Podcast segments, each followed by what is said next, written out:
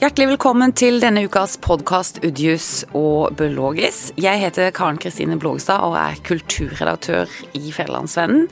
Og skal ønske velkommen til deg, politisk redaktør Vidar Udjus. Tusen hjertelig takk for det. Og vil du introdusere gjesten vi har i dag? Eller det kan jeg gjerne gjøre. Ja. Renate Hægeland, gruppeleder for Høyre i Kristiansand bystyre. Hjertelig velkommen. Tusen takk. Vi har jo hatt eh, bystyremøte nylig, faktisk eh, noen timer i går. Og Renate Hegeland, kan ikke du fortelle hva slags bystyre er det vi har i Kristiansand akkurat nå? Ja, jeg vet ikke hvor lett det er å sette bare noen enkle ord på det. Eh, det som var veldig positivt i går, var jo at vi endelig kunne møtes i bystyresalen. Etter ja, 20 måneder siden, var det sagt. 20 måneder siden. Hvor vi har vært delvis helt eh, digital. Delvis digital. Vi har møttes i grupper. Eh, og så har vi hatt et par møter på Kaledonien hvor det var veldig god plass.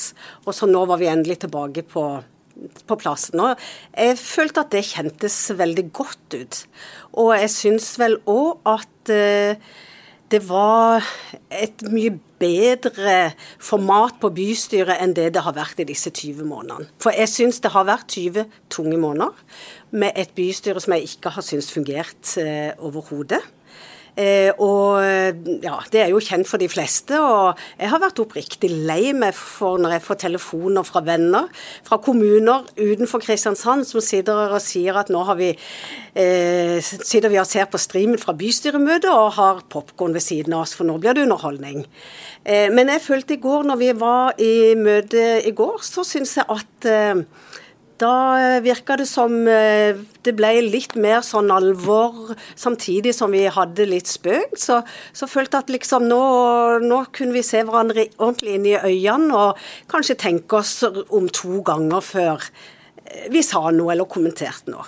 Så det bystyret vi har erfart som har vært litt, eller framstått som svært kaotisk, har det blitt litt eskalert eller litt sementert fordi det har vært eh, digitale møter, tenker du det? ja, veldig. Veldig. Og det har vi jo hørt. Eh, for vi har jo sittet i rom sammen, hvor gruppene har sittet hver for seg. De mindre gruppene har kanskje sittet flere sammen. Men, men, da er det sånn at når du skal skru av og på mikrofonen, så er det noen som er litt sånn trege, og da har du hørt klapp klapping, og du har hørt buing fra de andre gruppene. og det er klart at Når du får lov til å sitte alene sånn, så, så dyrker du kanskje den stemninga du har.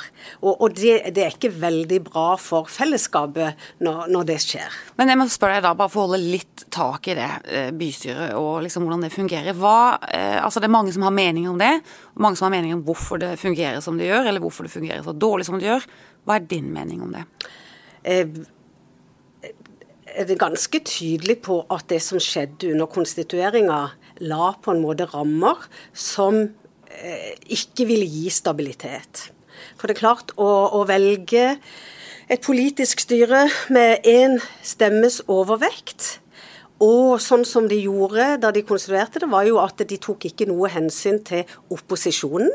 Og så visste vi at det flertallet de hadde med den ene stemmen, var veldig skjørt. Så det ga jo mye ga anledning til å kunne liksom fra veldig mange til å jobbe for kanskje å få over den ene stemmen til, til det andre sida. Og, og, da ble det en frykt hos posisjonen for at det, det jobba med det. Og jeg er helt sikker på at mange i den sittende posisjonen har tenkt at nå er Høyre ute etter å skal lage trøbbel eh, og ødelegge for den posisjonen som var. Men dere hadde også latt Harald Furre bli gjenvalgt som ordfører med én stemmes overvekt? Vi hadde det, men jeg tror vi hadde konstituert det litt annerledes. Eh, for eh, Altså gitt flere verv til opposisjonen? Ja. For det gjorde vi jo også i perioden før. Da vi hadde et solid flertall, så, så ga vi eh, et lederverv til bl.a. Arbeiderpartiet. Men er jo, det har jo ikke endret seg, eh, det selv om det var OK stemning i bystyret i går. For det er jo signaler nå om at eh, opposisjonen vil jo prøve å slå hull i koalisjonen, f.eks. For i forbindelse med eiendomsskatten og sånn og sånn. Og det må jo skape, når det er så skjørt, en litt dårlig, litt sånn angstbitersk stemning i bystyret, eller? Jeg føler kanskje ikke det er så mye kanskje sinne og sånn som det var tidligere. Jeg tror skuldrene er blitt senka litt. Og så er det jo sånn at eh, Og jeg tror grunnen til at noen i opposisjonen, jeg sier ikke det er oss, men som jeg også hører, tenker at nå kan vi slå huller på det. Og det gjorde jo skjedde jo egentlig allerede før sommeren. Da, da kom et forslag eh, forbind, eh, rett før sommeren hvor en eh, ba administrasjonen utrede eiendomsskatten, og at den skulle vesentlig reduseres inn i handlingsplanen fra 22. Det fikk støtte fra bl.a. de uavhengige. Så var, var, da, da, ble det et stort flertall for det. Altså de som har brutt ut fra Demokratene, som nå støtter ja. Skisland som ordfører? Ja. Så det er klart at Eh, da var de veldig tydelige på å signalisere at nå vil vi gjøre noe med eiendomsskatten. Det hadde de ikke fått gjennomslag for internt i sin koalisjon. Eh, så da på en måte har de invitert litt til at vi er åpne for å tenke annerledes. Men når du ser, eh, som Vidar har skrevet en kommentar om i Fjellandsvennen i forbindelse med bystyremøtet i går, når du ser hva de vil bruke inntjeningen til, så er det jo vanskelig kanskje å foreslå kutt? Ja. Eller hvor vil du kutte? Ja, hvor vil vi kutte? Altså, eh, I vårt budsjett eh, sist år fra Høyre, så var vi veldig tydelige på at vi ser at det er, det, kommunen har mulighet for å omprioritere og omorganisere en del ting, restrukturere. Fordi at vi har en del tjenester som ikke er lovpålagte, som vi ikke trenger å ha i kommunen. Og når vi har behov for de tjenestene, så kan vi heller kjøpe de. Hva for, hva for eksempel er det? Ikke konkurranseutsetting, men eh, f.eks. tolketjeneste. Eh, vaksinering. Eh, det er ikke lovpålagte tjenester for en kommune å, ha. Og vi så jo det i forbindelse med covid, at da fikk vi plutselig behov for mye vaksinekapasitet. men det er, der er faktisk mm, bedrifter i byen som jobber med det eh, privat, som det var mulig for kommunen å kunne henvende seg til å kjøpe tjenester fra. Men nettopp covid var vel òg et eksempel på at det var kommunen sjøl som måtte ta tak når det var virkelig alvorlig, og organisere massevaksinering? Ja, men, men, jeg tenker at det behøver ikke å være veldig annerledes. For du vil jo sitte med det øverste faglige ansvaret. Eh, så du kan jo på en måte Det er jo som du har ansatte. Du bare bestiller ansatte til å gjøre det du skal. Det kan du også gjøre med, med folk som driver med det privat. Det samme f.eks. kan vi gjøre med tolketjenesten. Eh, vi hadde jo en periode et stort behov for eh, tolketjenester da flyktningekrisa eh, ramma oss, og det kom veldig mange flyktninger. Men eh, nå har vi ikke det samme behovet. Eh, så, så, vi mener eh, i Høyre at det er noen sånne områder en kan se på som ikke er kjerneoppgaver, og som kommunen faglig sett kan definere og gå ut og bestille og kjøpe de tjenestene. Så det betyr altså at du mener at Høyres budsjett vil ivareta sosiale forpliktelser og sosiale saker og den sosiale profilen til Kristiansand kommune like godt uten å måtte øke, eller med å, å redusere eiendomsskatten? Ja, jeg mener at vi kan det. Og eh, Så er det jo en annen ting som dere i FVN også har skrevet om, det er jo det enorme sykefraværet i kommunen. Og Der tror jeg vi, veldig mange i bystyret, og i hvert fall vi i Høyre, opplever at administrasjonen eh, er, eh, agerer ikke veldig sånn på her. Eh, Hvis det er et sted mellom 800-900 som er borte fra jobben hver eneste dag, så i mitt hode så vil jo alle bjellene ha, ha ringt, og jeg tenkt at her må vi sette men, inn. Men ja, hva kan en gjøre med det, liksom i to setninger? Ja, De har jo tidligere hatt eh, gode prosjekter f.eks. i byggservice i Kristiansand Eiendom, hvor de gikk inn og jobba veldig konkret, og fikk jo sykefraværet ned jeg tror jeg 3-4% så jeg tenker det er noe, noe med å sette inn ressurser og, og, og, trå til når det er problemer. Og vi ser jo i enkelte eh, ja, områder så er det jo eh, oppimot 20 sykefravær. Men noen mener jo at det høye sykefraværet også skyldes at det er lav bemanning, og at det vil koste ganske betydelig å fikse på en måte det. Er du uenig i det? Eh, nei, jeg vil ikke si at jeg er uenig i det. Men jeg, jeg, tror at med å jobbe veldig konkret og direkte med de stedene hvor sykefraværet er høyt, så vil du kanskje kunne avdekke hva det er behov for. Eh, er det mer folk, eller er det omorganisering? Er det noe galt med ledelsesstrukturen eller måten det blir ledet på?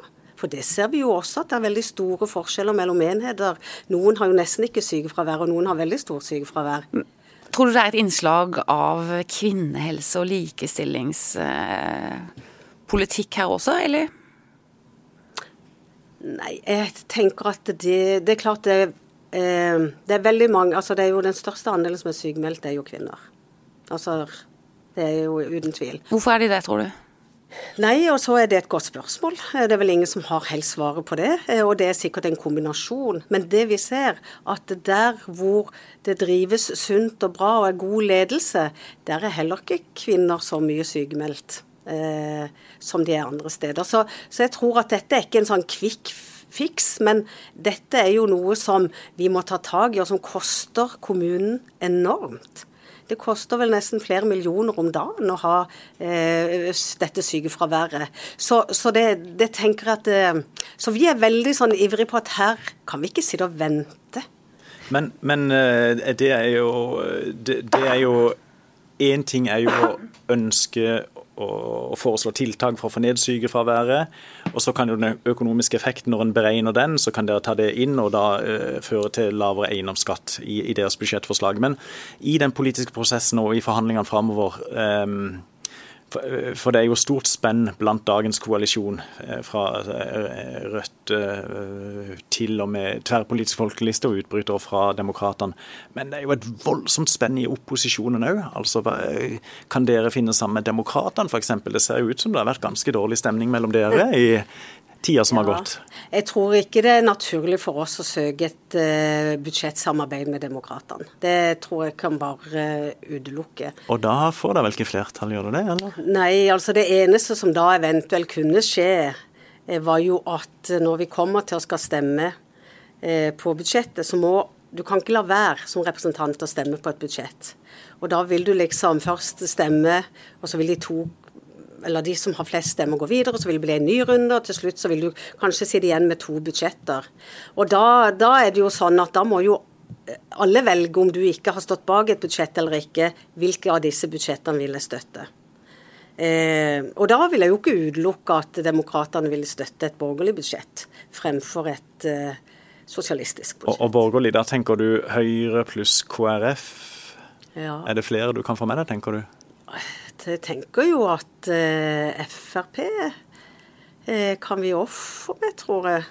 Men de har vel også signalisert vilje til liksom å ville alliere seg med de, ja, andre demokratene og litt sånn uavhengige representanter tidligere, vel? Ja, de lagde jo budsjett med de sist år, men, men jeg, eh, jeg vet ikke om det er hogd i stein at de vil gjøre det igjen. Så, men alt er jo åpent her, og, og, det er jo ikke sånn for oss i Høyre at det er kjempeviktig å få flertall for et budsjett. Eh, fordi vi har jo ikke den politiske ledelsen. Eh, så, så, det vil jo ikke endre noe på det. Så, eh, men så jeg tenker for oss i Høyre så er det viktig å lage et budsjett som vi kan stå på, og se hvem vi får med oss på det.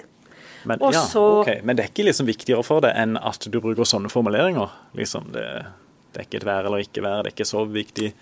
Hadde ikke, det vært, hadde ikke det vært en enorm politisk seier for Høyre hvis dere kunne overstyrt posisjonen? Jo, altså, det kan du jo godt si, men hvis ikke du sitter i ledelsen, så ser vi jo det at uh, den politiske ledelsen eh, Det betyr jo veldig mye hva de prioriterer og vektlegger gjennom et år, og hva de følger opp og ikke følger opp.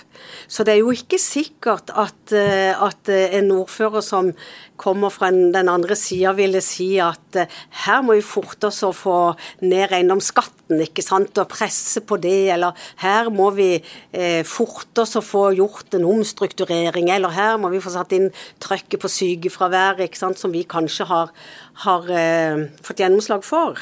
Sånn at du, du sitter litt sånn på, på, på, nåden da, til den ordføreren. Men Kan du oppsummere litt eh, hva som er din eller Høyres ambisjon i denne perioden, da? Vår ambisjon er jo å være tydelig på hvilken retning vår politikk tar oss i, og være forutsigbare. Eh, eh, og vi i Høyre vi er kanskje ganske sånn kjedelige. Det faller oss litt vanskelig å være sånn populistiske eller hive oss rundt og på enkle løsninger. For vi, vi vet så mye om at alt henger sammen med alt. Og vi vet jo også at quick fix eh, veldig sjelden finnes, fordi det skal gjennom demokratiske prosesser osv. Og, og, og da um, ja, men, men, jeg tror jo at det å være litt sånn trygg og tydelig og, og vise en sånn klar retning, er, er vår ambisjon nå. Er, er, det, er det jeg som programleder her? Unnskyld, unnskyld. unnskyld. Ja. Jeg hadde bare tenkt å spørre om det var en del av den ambisjonen også snekre sammen et borgerlig flertall fram mot neste valg. Men det trenger du ikke svare på, for nå kommer Karen med sitt spørsmål. Ja. men jeg vil jo høre mer av deg da, Vidar, for siden du er politisk eh, redaktør og kommenterer bystyret i Kristiansand så har jeg lyst til å spørre deg, hva slags, hva slags Høyre mener du vi har i Kristiansand nå? Nei, jeg tenker vi har et Høyre, et høyre som er litt i limbo. Fordi at uh, Høyre i Kristiansand for første gang på lang tid er ikke med i styringa av byen. Uh, og så er Høyre i Kristiansand òg en del av det nasjonale Høyre, som nå for første gang på åtte år heller ikke styrer landet. Uh, og Høyre i Kristiansand har det til felles med Høyre i mange andre storbyer at de heller ikke styrer i sine storbyer. Uh, og det var i, Hvis en skrur klokka tilbake til 2011, så gjorde Høyre et veldig godt valg. Uh, Erobra uh, mange storbyer. Det var liksom springbrettet til regjeringsmakt i 2013. Ap gjorde ikke så veldig godt valg i 2019, men de var veldig gode til å forhandle etter valget, som gjorde at de fikk ordfører i mange byer, til og med Kristiansand og Stavanger, som de jo virkelig ikke har for vane å vinne. Det var springbrettet til valgseieren i 2021. Så derfor er jeg veldig spent på Høyre i andre storbyer og i Kristiansand ved valget i 2023, som jo bare er mindre enn to år til både hvordan dere kommer til å gjøre det der, og også om dere klarer å bygge allianser for å få eh, en Høyre-ordfører tilbake i, i, stolen. Jeg ville tenkt at Hvis jeg hadde vært i Høyre, hadde jeg, hadde jeg tenkt at det er, vel, det er, et veldig viktig valg for oss, både lokalt og som en del av det nasjonale valget.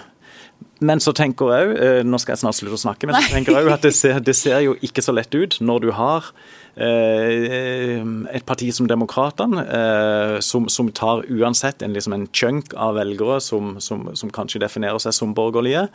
Eh, og hvis du da har partiet Venstre, som nå da har sagt at de vil liksom stort sett, iallfall fram til dette budsjettet, har sagt at de vil samarbeide budsjettmessig med sentrum-venstre-koalisjonen.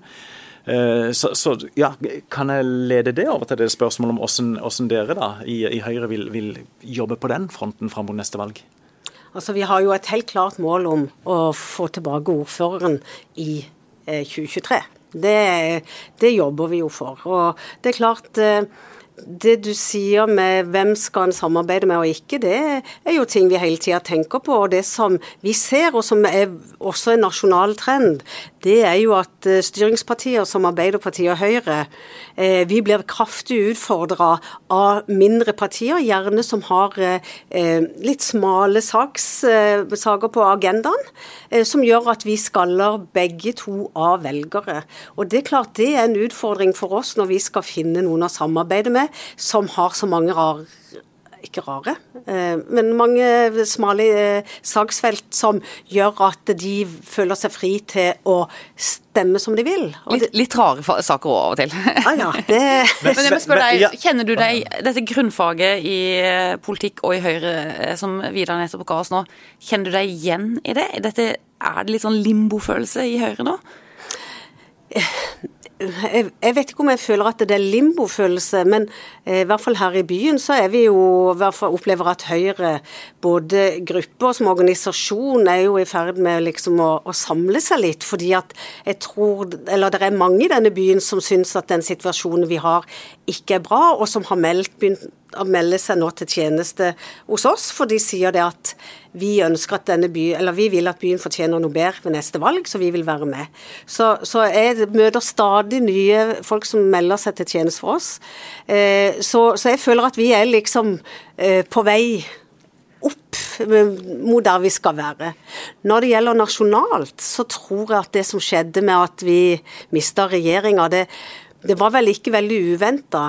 Eh, at det skjedde. Så så folk er litt men, men, det var uventa at dere mista alle de storbyene som dere mista ja, ved forrige valg? Det var veldig uventa, og, og det, det, den satt Men jeg føler vi er kommet litt over det nå.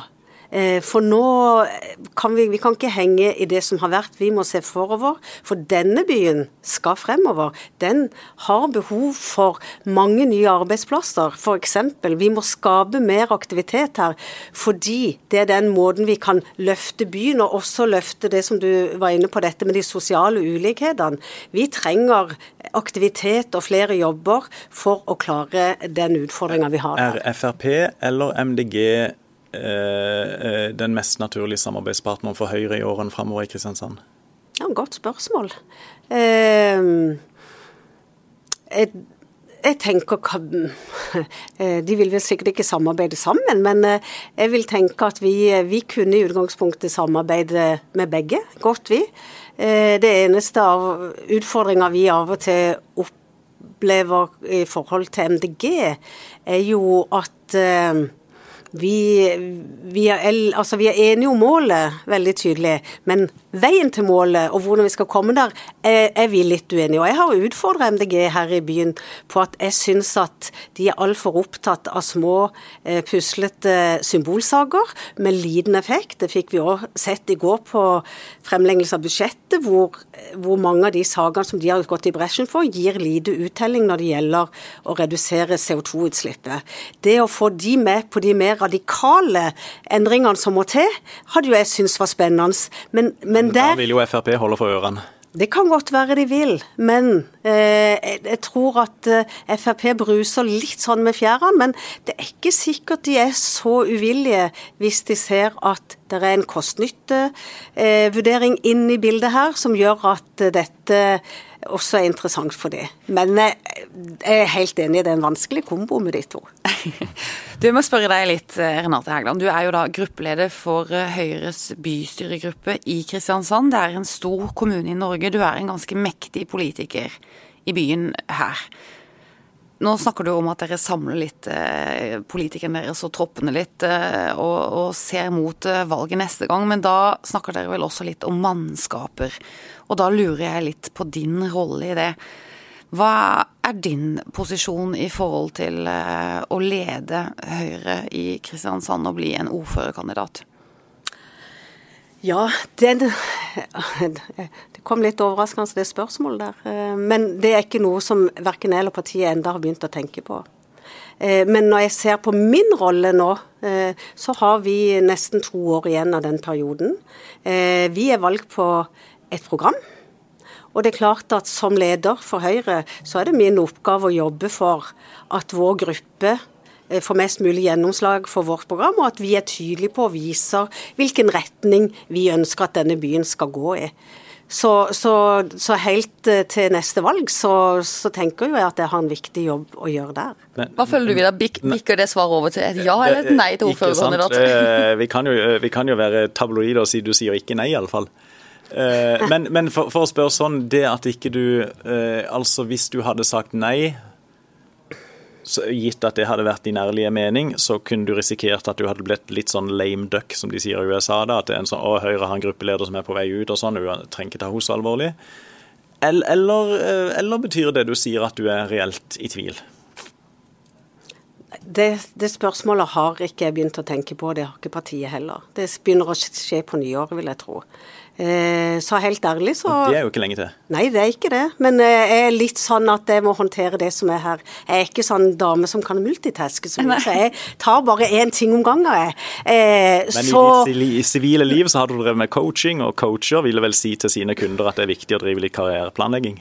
Ja, men jeg har aldri vært, vært, av den typen som har vært veldig bevisst på det. Så, men, men, eh, det er jo, altså, er jo oppriktig engasjert i byen vår, og at den skal styres på best mulig måte og utvikle seg. Det syns jeg kan gjøre nå. Jeg syns eh, vi har fått eh, en stopp med det bystyret vi har nå, med den politiske ledelsen, som er skulle ønske ikke kom nå, fordi at vi har så mange utfordringer. Vi trenger farten, og vi trenger å være drivkraften og motoren i, eh, i Agder og landsdelen. Eh, og nå begynner vi å se at Arendal, er det de som skal overta for oss? For vi syns ja, at det er de det. Hilsen oss fra Arendal. Men ja, og, det, og de gjør veldig mye bra som jeg tenker vi ikke helt får til nå, som handler om samarbeid og, og ja, disse tingene. Men, men ut, og uten å gå langt inn i de, for tida går, uh, kjære programleder ære, Ja, jeg vet det. Jeg har et siste spørsmål. Hvor mange spørsmål har du igjen? Nei, jeg, Det var bare en kommentar til det du sier. fordi at Samtidig som det har vært uh, mye støy rundt bystyret, så er det vel òg en riktig, observasjon at de store sakene, eh, etter litt tid og etter en del støy, blir vedtatt, går igjennom.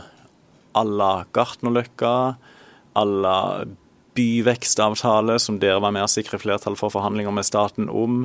Uh, alla ja, kommunesammenslåingene går seg jo til. Uh, alla kunstsilo, overskridelser, men prosjektet går framover.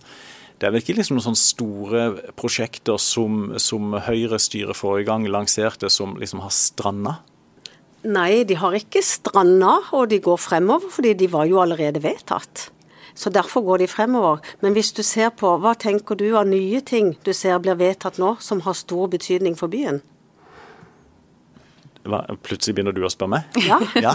Er urettferdig. Det var ikke det vi avtalte. De, nei, men jeg, jeg tenker men at de store tingene jeg nevnte nå, pluss havneflytting, er vel, er vel liksom de, de største fire-fem sakene som har vært på dagsordenen her de siste fem til ti årene, er det ikke det egentlig? Jo, men vi må jo se nye saker. at de er jo i ferd med å komme i mål. Og, og når, du, ser, når, du, sier det tar 10-15 år før mange av de sakene kommer på plass, da må vi allerede nå begynne å jobbe med flere store saker som vi skal få oss fremover videre. Og da kan jeg jo spørre deg tilbake kan ikke det? Hvilke saker tenker du på da?